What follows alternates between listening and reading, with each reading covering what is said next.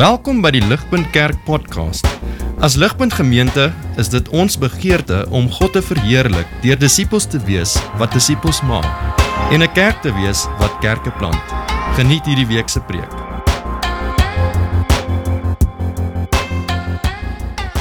So so vanaand wil ek uh begin met meer soos 'n vraag vir die vir die manne. Ehm um, dis eintlik 'n lame vraag, maar ek gaan gaan al voor. Ehm um, so vir julle ouens wat wat baie Call of Duty gespeel het en Counter Strike en Apex. Ek dink nie ehm um, uh Oh, ek het nou vergeet. Daar ander ene wat die kinders speel wat dans nie. Ek weet nie wat daai is nie, daai is nie deel van die vraag nie. Die daai daai oorlog games. Wat is die grootste verskil tussen die oorlog games en die regte lewe? Redelike basic vraag. Ek dink 'n redelike voorhandliggende antwoord. Die verskil tussen regte oorlog en en daai skiet games is in regte oorlog kan jy doodgaan. In in in in regte oorlog kan jy nie met 'n handgranaat speel en hom voor jou voete neergooi en lag nie. Want hy gaan ontplof en jy gaan nie respawn nie. Die die bullets is real bullets. Hulle skeer regtig deur jou liggaam en hulle maak jou regtig dood. Een foutjie en dis die einde van jou lewe. Dis die obvious verskil tussen 'n rekenaarspeletjie en ehm um, regte oorlog. En vanaand, soos wat ons kyk na Handelinge 4 en 5, sien ons dat baie soortgelyk is daar 'n koppel wat gedink het God is 'n speletjie. Hulle het gedink Christendom is speel speel 'n game. Hulle hulle het gedink wat hulle doen en dink en wegsteek maak nie regtig saak vir God nie. Want ja, ek glo kind of in God, maar hy's verseker nie gevaarlik nie. Hy's verseker nie ernstig oor wat hy sê nie. Ek kan eintlik doen wat ek wil want hy gaan niks daaraan doen nie. Vanaand kom ons na 'n ontsettende belangrike gebeurtenis toe in die vroeë kerk se geskiedenis. Waar God sy mense na Christus se kruisdood herinner dat hierdie alles, die beweging van Christendom, sy woord, sy mense, sy wil, sy werk, sy verwagte van sy verwagtinge van ons, wie ons is en wie hy is, al hierdie God herinner sy mense dat al hierdie goed dis baie baie reëel. Dis baie baie ernstig. En dis alles behalwe speletjies letterlik ons gaan kyk na wat ons sien in Hebreërs uh vers hoofstuk 12 vers 28 en 29. Ons gaan letterlik iets van hierdie beleef vanaand. Ons lees in Hebreërs 12, "Let us offer to God acceptable worship with reverence and awe. For our God is a consuming fire." Iets daarvan sien. Ons gaan kyk na ons storie in drie bewegings. Ehm um, eerste beweging is Barnabas se hart in hoofstuk 4 vers 32 tot 37. Barnabas se hart.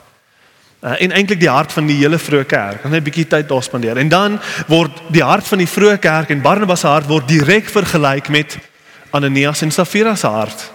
So ons gaan kyk in die tweede beweging van die storie, Ananias en Safira se hart.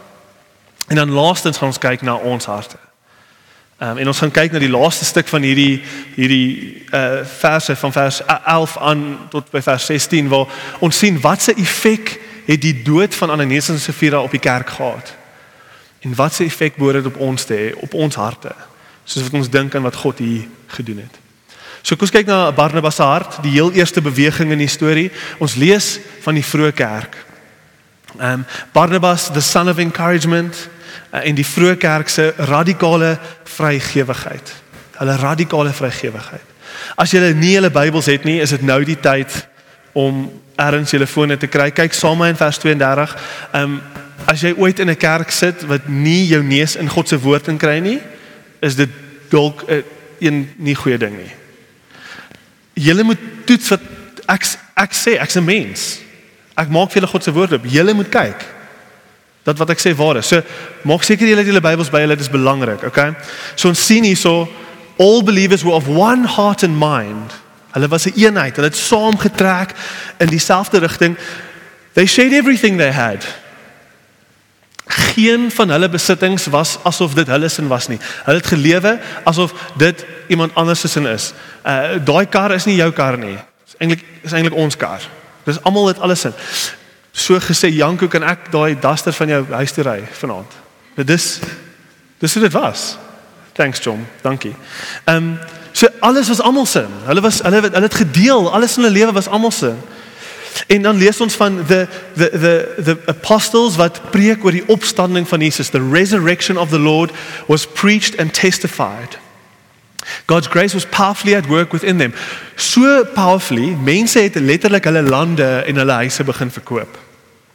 Een so 'n persoon was Barnabas. The son of encouragement. Hy het letterlik sy eiendom verkoop en daai hele lot geld, 'n massiewe hoeveelheid geld voor die apostels neersit sodat hulle aanhou kan sorg vir almal wat tekort het en aanhou die koninkryk kan bou. Aanhou kerke kan plant, aanhou mense kan uitstuur. Al hierdie goed was deel van waarmee die apostels besig was. En ons gaan nou sien soos ons deur Handelinge gaan, hulle het meer en meer strukture in die, in in plek gesit. Die die groot punt wat ons sien eintlik hierso wat amazing is, is dis totaal en al anders gesentreer, ander gesentreerd. Die hele beskrywing hier van die vroeë kerk en van Barnabas is ander mense, nie ek nie. Ek hierdie is ons in ander gesentreerd. Soveel so, dis 'n ekstreem dit dit maak ons bietjie ongemaklik voel want ons lewe verskriklike westerse individuele lewens waar ons baie lewe asof alles ons in is. Maar die die ding wat hulle geïnspireer het wat wat Petrus en die apostels gepreek het is die opstanding. Hulle het gepreek oor uh, Jesus het uit die dood uit opgestaan. Ten minste wat dit vir my sê is dat 'n groot deel van wat hierdie radikale vrygewigheid ge, geïnspireer het, is die feit dat ons is gered vanuit die dood en vanuit hierdie wêreld uit vir 'n nuwe wêreld.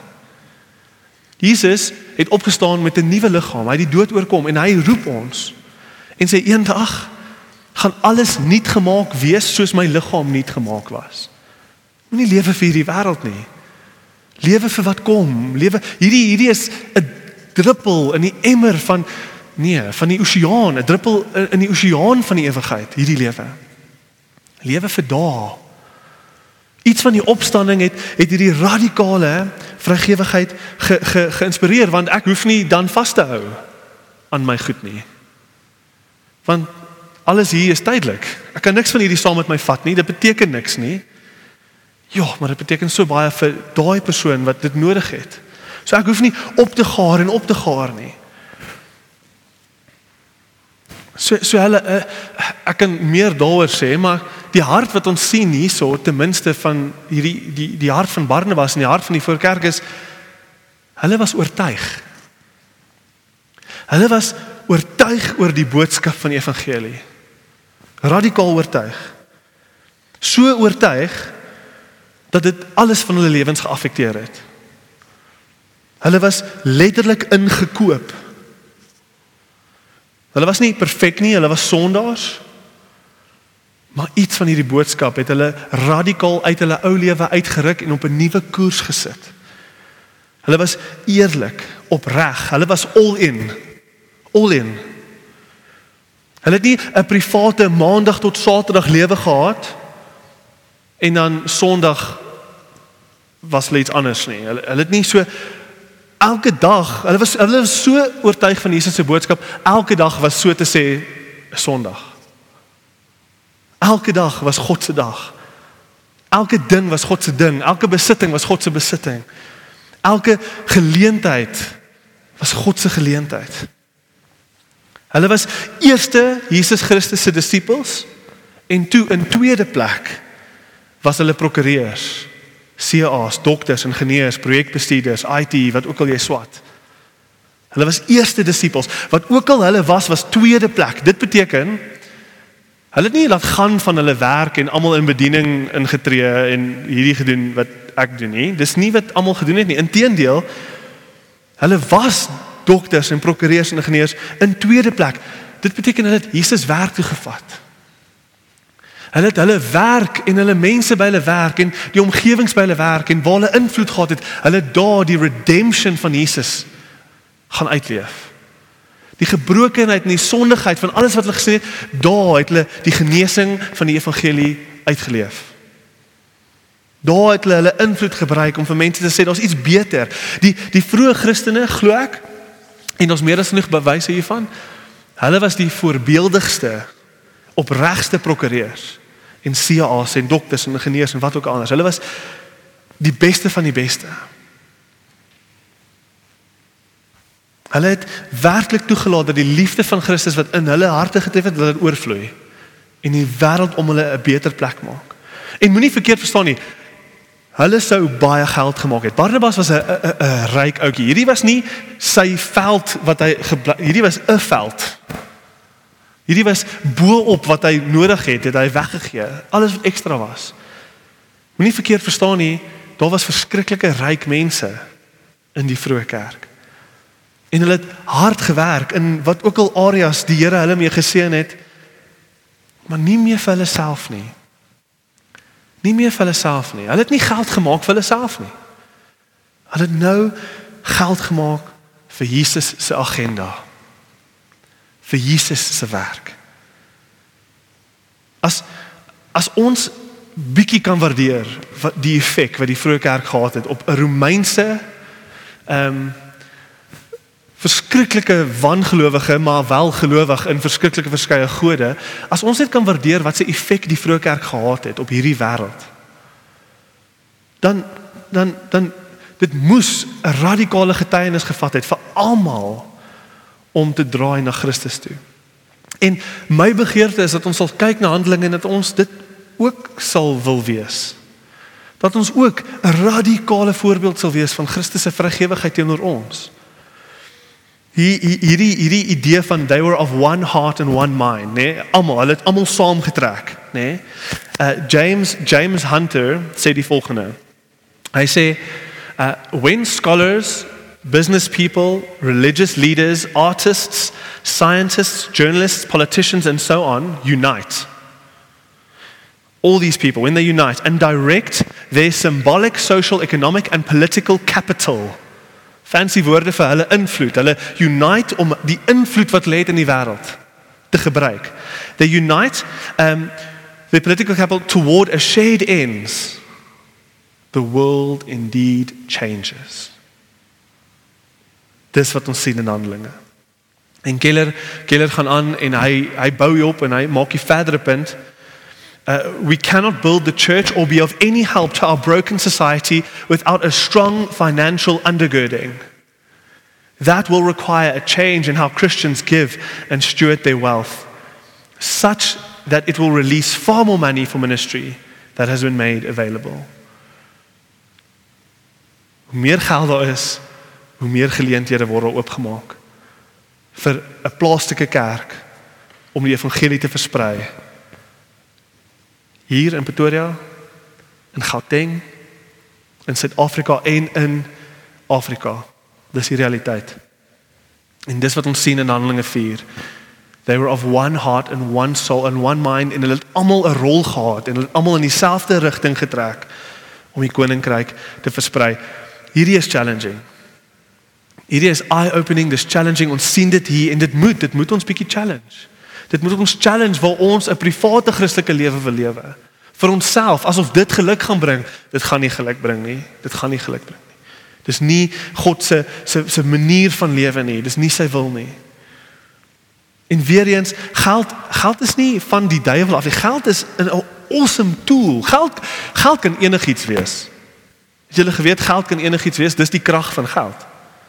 Geld kan enigiets wees. Geld het letterlik die potensiaal om enigiets te kan wees. En ons niks fout met geld of iemand wat baie geld het nie. Maar ten minste wat ons hier sien in die hart agter die vroeë kerk en die hart agter Barnabas is dat geld tog vir ons 'n goeie indikasie is. Geld is vir ons 'n goeie indikasie, 'n goeie toets van waar ons hart is. Waar ons hart regtig is. Hoe ons ons geld spandeer wys vir ons wat vir ons belangrik is. Dis 'n feit. Waar jou hart is, is waar jou geld gaan wees. En waar jou geld is, is heel moontlik waar jou hart is. En dis belangrik. Want as jy vir Jesus is, as jy vir sy werk is, dan sien jy nêrens in die Bybel 'n Christen wat vir God is en vir sy werk is, wat nie finansiëel bydra tot die werk wat hier plaasvind in hierdie wêreld nie. So ek vra ons almal, uh, hoe oortuig sê jou finansies is jy oor Jesus en sy werk en sy boodskap? Dis die die hart van Barnabas, die voorbeeld wat hulle vir ons stel. Dis die voorbeeld van Barnabas, die hart van Barnabas in die vroeë kerk. En dit bring ons na 'n verskriklike sterk vergelyking. Ananias en Safira. Ananias en Safira. Weereens, julle moet saam my volg. Dis 'n moeilike stukkie. Kyk mooi wat hier aangaan. Die die all-in radikaal uitverkoop vir Jesus vroeë kerk kom hierso die teenoorgestelde Ananias en Safira. En hulle verkoop ook 'n eiendom soos Barnabas. 'n Huis of 'n veld of 'n ding, al wat ons lees is they sold property. Heel moontlike huis. En met sy vrou se volle kennis sê die teks, hulle het 'n sekere hoeveelheid geld van die verkoop van die huis vir hulle self gehou. En as jy dink, Johan, daar's eintlik niks fout daarmee nie, dan is jy reg. Hulle het alle reg gehad om van daai geld te hou. Hulle het die reg gehad om nie eers die huis te verkoop nie as hulle nie sou wou nie. En Petrus sê dit vir ons presies so in vers 4. Hy sê hy sê vir Ananias sê while it remained unsold did it not remain your own? And after it was sold, was it not at your disposal? Dis sy eiendom. Alles van die vroeë kerk was vrywillig. Niemand was geforseer om te gee nie en Petrus maak hierdie punt duidelik. Anders dan kan jy hierdie teks lees, almal wat nie gegee het nie, het doodgeval. Dis nie wat hier aangaan nie.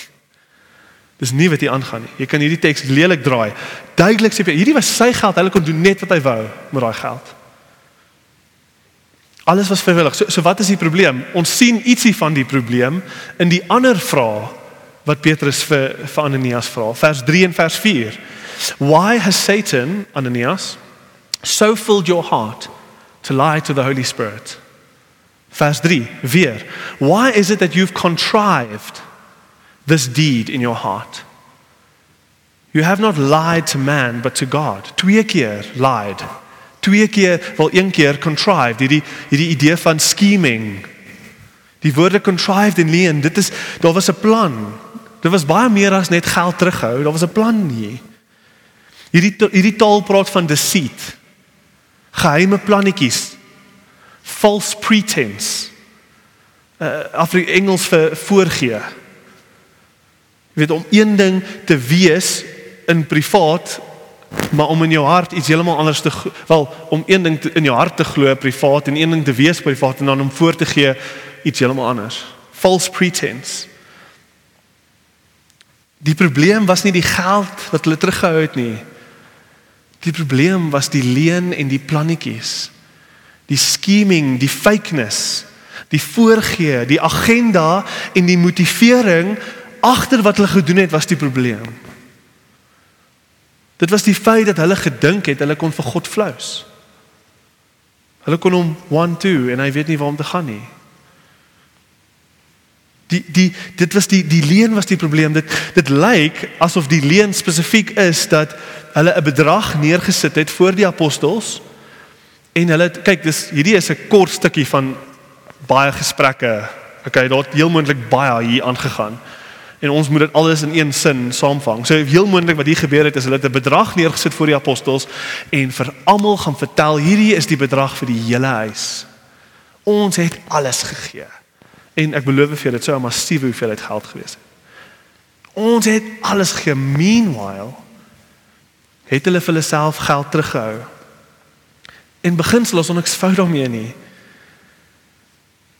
Hulle het hulle het lekker omgaan en sê, "Wow, kyk, ons is soos Barnabas. Ons het alles gegee." Maar eintlik hulle was nie eerlik oor wat hulle gegee het nie. En agter daai oneerlikheid was daar 'n selfgesentreerde agenda, 'n valse geloof en 'n minagting vir God se werk. Een eh, kommentator sê dit nogals goed. Um and I say their giving seemed so sacrificial but their motivation to gain prestige and reputation through willful misrepresentation meant it was everything but sacrificial. Dit is spesifiek hierdie fakeness wat vir ons wys hulle het 'n speletjie gespeel. Hulle het 'n game gespeel met God. Hulle het hom nie ernstig opgevat nie. As hulle verstaan het wie God regtig was, sou hulle geweet het hulle speel met vuur, letterlik. Daar was 'n duidelike disrespek hier.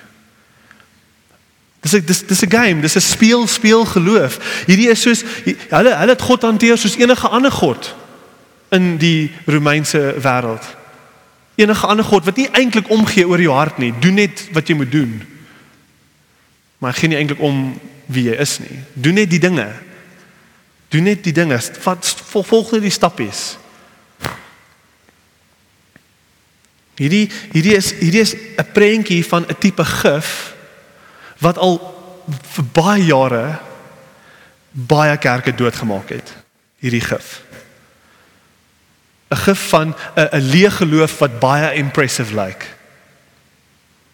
'n Gif wat al baie kerke so siek en doodgemaak het. 'n Gif wat leë religiosity is. Dis leë religiosity. Daar's baie wat aangaan, maar dis koud en dood. En dit was 'n groot probleem. So groot 'n probleem, beide man en vrou val direk daar dood voor Petrus en Petrus het nie 'n vinger opgelig nie. Inteendeel ek dink selfs Petrus was bietjie verbaas. Ek dink ek dink hy het net vir hulle gesê wat die waarheid is en net daarin dan toe besluit God hy oordeel hulle. En ek gaan eerlik wees, ek ek ek is nie 100% seker hoekom die Here hulle so geoordeel het nie. Ek ek weet nie. Ek dink moontlik is dit omdat hierdie tipe speel speel geloof, dit is dodelike gif. En dit dit dalk het die Here die vroeë kerk beskerm van dit. Dalk het hy hulle beskerm vir dit, maar die teks sê nie eintlik vir ons hoekom die Here hierdie spesifieke besluit neem nie. Oef, maar die les is duidelik. Die, die les is dat die hart agter wat ons doen is baie belangriker as wat ons doen. Die hart agter wat ons doen is baie belangriker as wat ons doen. Die Here kyk na ons harte en hy weet presies wat in ons lewens aangaan soos ons almal hier sit. En ons kan aanhou vir onsself jok. Ons kan aanhou verskonings maak. Ons kan aanhou compromise. Ons kan aanhou justify ag nee, maar dis eintlik daai ding se skuld. Ons kan nie vir God jok nie. In die in die vorige punt het ek julle aangemoedig om te dink aan hoe jy julle julle geld spandeer. Ehm um, want dit is tog 'n goeie toets. Maar ek wil nou mooi vra dat julle asseblief nie nou omdat julle bietjie skuldig voel gedrewe word om nou net geld te wil gee nie. Hierdie is nie ons wil nie mense manipuleer om te gee vir Jesus nie. Dis nie wat hier aangaan nie. Asseblief moenie gee vanuit 'n plek van skuld nie, want dis wat ons wil doen, nê. Nie net met geld nie, maar met baie dinge in ons lewe. On, ons wil vir God goed doen sodat ons beter voel oor die feit dat die binnekant mense dink ons is een ding, maar eintlik is ons nie dit nie. En eintlik is ons hart baie koud en eintlik voel ons baie ver van die Here af. Asseblief moenie moenie dit doen nie. Moenie probeer oppatch waar die gapings is in jou lewe met met ook 'n stukkie leer religiosity nie. Dis dis dis die leuen wat ons vir onsself fluister. Ons fluister vir onsself dat ons ergens agter ons koppe glo ons ons kan God impress met ons teologie en ons geld en ons dade en hoeveel tyd wat ons gee vir die kerk en hoeveel Bybelstudies wat ons bywoon of wat ook al. Selfs die mense wie ons is, ons is mos beter as daai mense. En so ergens dink ons ons het ons het hierdie krediet met God. Ons hy skuld ons iets van ons doen nogals baie vir hom of iets, so iets. Ons dink ons kan hom impress met ons lewens. En dit is net nie waar nie. As ons dink ons kan vir God impres, dan wys ons dieselfde wanpersepsie wat Ananias gewys het. Daar is nie genoeg geld in die wêreld om vir jou sondes op te maak vir 'n heilige God nie. Wie ook al ons is, maandag tot saterdag, dis wie ons is en die Here weet dit. En niks wat ons doen kan opmaak vir die koudheid en tekortkominge wat ons harte van vol is nie. So wat doen ons dan? Die punt is in plaas daarvan om jouself te probeer red. In plaas daarvan om te probeer opmaak vir iets wat jy nie kan verander nie. In plaas daarvan om fariseer te wees wat probeer iets wees wat jy weet jy binnekant nie is nie. Vanaand as ons kyk na Ananias en Safira se hart is die aand waar jy net moet eerlik wees oor wie jy regtig is. Wees net eerlik oor wie jy is vanaand soos wat jy hier sit, wie jy regtig is. Nie wie die wat jy doen nie, Nie wie jy wens jy was nie, oor wie jy regtig is.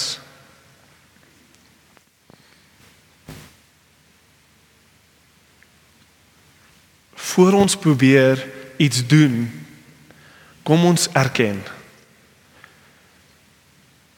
Want wat ons eintlik nodig het is nie dade nie, wat ons nodig het is 'n 'n veranderde hart. En ons kan nie dit doen nie. Ons kan nie ons eie harte verander nie. En dit bring my na die laaste punt toe, ons harte. Die effek van hierdie verskriklike oordeel van God op die vroeë kerk. Ons ons kort iets om ons harte weer te tref. Ons kort nie iets nie, ons kort die Here om ons harte te tref en om die die die koue harte weer warm te maak. Daar's daar's duidelik in hierdie teks 'n groot brug. Ek weet nie of julle dit sien nie. Daar is die die die die Barnabas en wie hulle is en dan is daar die Ananias en Safira en daar's hulle harte en en ons 'n gaping tussen die twee want ons voel baie meer soos Ananias as ons eerlik moet wees en baie min soos Barnabas. En as ons kyk na die effek wat hierdie oordeel gehad het op die kerk, dan sien ons iets van hoe ons hierdie gaping kan brug. Hoe ons ons harte weer werklik kan kan warm maak. En jy kyk saam met my na hierdie laaste paar verse van vers 11 af. Eintlik van vers 10 af tot vers 16. So ons ons ons lees in hierdie laaste paar verse iets wat my ten minste laat skrik. Ek ek is verbaas. So in die laaste paar verse van hierdie stuk sien ons ehm um, dat twee mense doodval en die kerk groei insane. So as ek as as ek die tye van ons kultuur gelees het en ek het 'n aanname gemaak oor wat ek dink sou gebeur het indien mense doodgeval het in hierdie kerk dink ek mense sou weghardloop het. Niemand sou ooit weer teruggekom het nie want hulle sou gesê het Christendom is wreed. Waar is die liefde? Ek nog liefde wen. Waar is die genade? Ek die genade moet my mos altyd vergewe, maak nie saak wat ek doen nie. Waar is die genade hier? Waar is die liefde? Hoekom oordeel julle so? Dis dis hierdie tipe geaardheid wat ek dink hierdie verskriklik offensive vind, hierdie hierdie stuk. En juist hoekom ek dink hierdie stuk so belangrik is. Want vers 14 sê vir ons and more than ever believers were added to the Lord multitudes of men and women more than ever. Hoe is dit moontlik dat twee mense uitgevang kan wees deur hulle sonde en tog groei die kerk so? Twee goed. Ons sien twee goed. Wat mense gesien het in die oordeel van Ananias en Safira, twee goed wat hulle harte weer warm gemaak het. Die eerste ene. Ons kort 'n skokkende ontmoeting met die heilige almagtige God van die heelal. Ons kort 'n skokkende ontmoeting met die heilige almagtige God van die heelal. Die oordeel van Ananias en Safira het weer 'n heilige en 'n opregte vrees en respek geskep in die kerk teenoor God. Vers 11 and a great fear came upon the whole church and upon all who heard these things. Julle tot ons nie besef wie ons mee te doen het hier nie. Gaan ons altyd tot 'n mate 'n speel speel geloof hê. Die vrees van die ontmoeting wat die vroeë kerk gehad het met 'n heilige almagtige God het hulle geruk. wakker geruk. Hulle het besef, werklik besef. Hulle het ophou jok vir hulle self. Hulle het ophou verskonings maak. Hulle het opgehou met 'n speel speel haar halfhartige geloof. Hulle het ophou genade misbruik want God lewe. Hy's almagtig. Hy hy's werklik heilig en hy haat regtig sonde. Toe God hier intree, toe is dit nie meer 'n teoretiese geloof nie. Nee, nee, nee, dit was was nie 'n kopgeloof nie, dit was dit was reëel. Dit was ernstig en die hele ding was lewendig. Dit was scary. Dit was scary. Kerk toe gaan, Bybelstudie, gebed, Jesus, alles wat hulle gedoen het daar en dan, dit was nie meer opsies nie. Dit was nie ek voel nie meer vandag soos soos dit nie. Dit dit nee, dit was die oordeel van God het mense doodgemaak. Daar's hulle grafte. Hulle is daar begrawe en ek is vrek bang. Want hy weet alles van my. En as ek nie reg is met God nie. As ek nie reg is met God nie, moet ek nou regkom met God. Dit was dit was die effek. Daar is nie 'n 'n beter 'n 'n 'n teken van die toekomstige oordeel wat gaan kom oor hierdie wêreld as as hierdie nie. En dit het opreg mense bang gemaak vir heilige God wat gaan oordeel. sien julle wat 'n kragtige ontmoeting met die heilige God kan doen? Want want, want dis die punt. Die, die punt is ek kan selfs hierdie preek en ons kan almal huis toe gaan en as ons eerlik moet wees, Hy is nie so so reëel vir ons harte soos wat hy moet wees nie. Ons voel nie die gewig van van 'n heilige God wat weet wat in ons lewens aangaan nie. God is nie vir ons harte reëel genoeg nie. So tog ons kort, ons kort ek soos in Handelinge 5, ons kort 'n kragtige ontmoeting met God sodat ons die krag kan sien, sodat sodat hy ons kan ons kan geopenbaar word aan ons wat sy heiligheid doen, nie teoreties nie, 'n belewenis van wie God is. Sodat ons ook 'n bietjie kan kan wakker skrik. En ek kan obviously nie dit doen nie. Um obviously nie. Ek kan nie 'n 'n 'n 'n ontmoeting met die kragtige en heilige God or orkestreer nie. Ek sekerlik te bang om te probeer. Maar mense doen, mense probeer. Mense probeer baie van hierdie goed uh orkestreer, maar maar ek kan dit nie doen nie. Net God in sy almag kan hierdie doen. En so die punt is ons kort dit en ons moet bid daarvoor. Dit is my burden, ons harte kort hierdie, ons harte kort 'n belewenis met die heilige God. En ons moet bid hiervoor. Ons moet smeek dat hierdie nie 'n teoretiese geloof sal wees nie. Ons moet smeek dat hy eers ons oë sal oopmaak, eers ons iets sal wys, eers in, in die speletjies van ons lewe sal inbreek en ons bietjie sal laat wakker skrik. Ons kort dit en en en as jy saam met my sal bid daarvoor, sal ek dit waardeer want dis dis waarvoor ek gaan bid. Ehm um, heel moontlik vir die res van hierdie jaar. Dan sien ons die tweede punt wat hulle harte weer warm gemaak het. Die tweede ding wat hulle harte weer warm gemaak het is 'n uh, herinnering aan wat ware genade is wat ons red uit God se oordeel. So herinnering aan aan ware genade. Daar's dit is maklik vir ons om genade te misbruik. Dit is maklik vir ons om 'n ritme in te kom waar ons net altyd staat maak op God se genade. Maar die punt is wat God se genade so genadig maak is die oordeel waarvan af hy ons red. Ananias en Safira is 'n herinnering, 'n harde herinnering dat ons nie die geskenk van ons redding verdien nie. Ons doen nie. Ons ons bring nie iets na die tafel toe en dan sê die Here, "O my, jy is so mooi en so oulik, daarom het ek jou gered nie." Daar is niks nie. Daar's niks wat jy tafel toe kan bring wat wat jou redding op jou redding op een of ander manier 'n verdiende redding maak nie.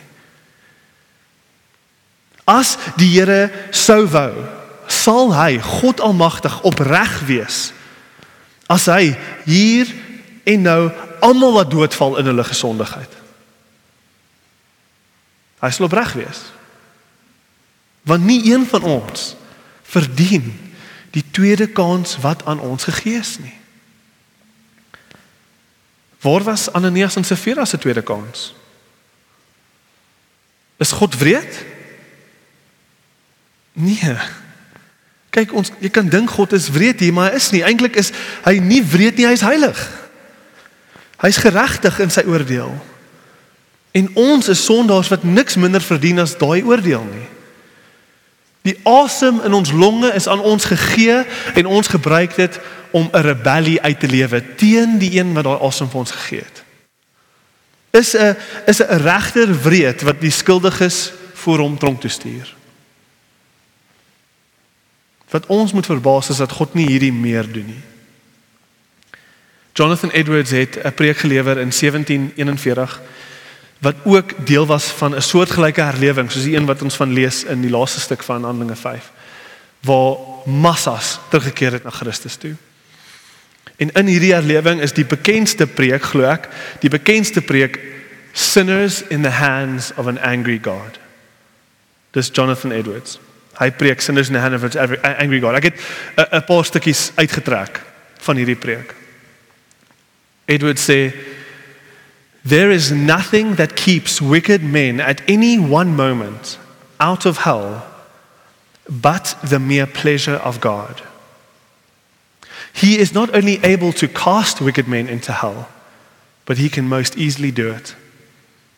You do not only justly deserve to be cast down to there, but the sentence of the law of God that eternal and immutable rule of righteousness that God has fixed between him and mankind, it has gone out against you and stands against you. Your wickedness makes you as heavy as lead, as it were, heavy as lead.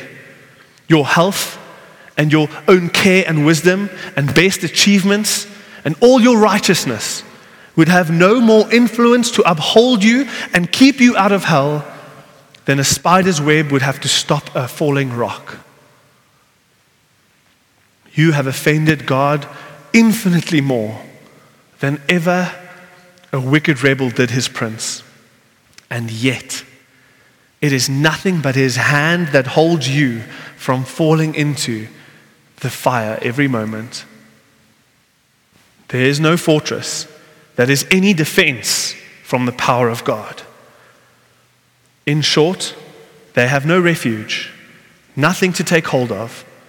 All that preserves them every moment is the mere arbitrary will, unbound to any promise, unobliged patience of an angry God.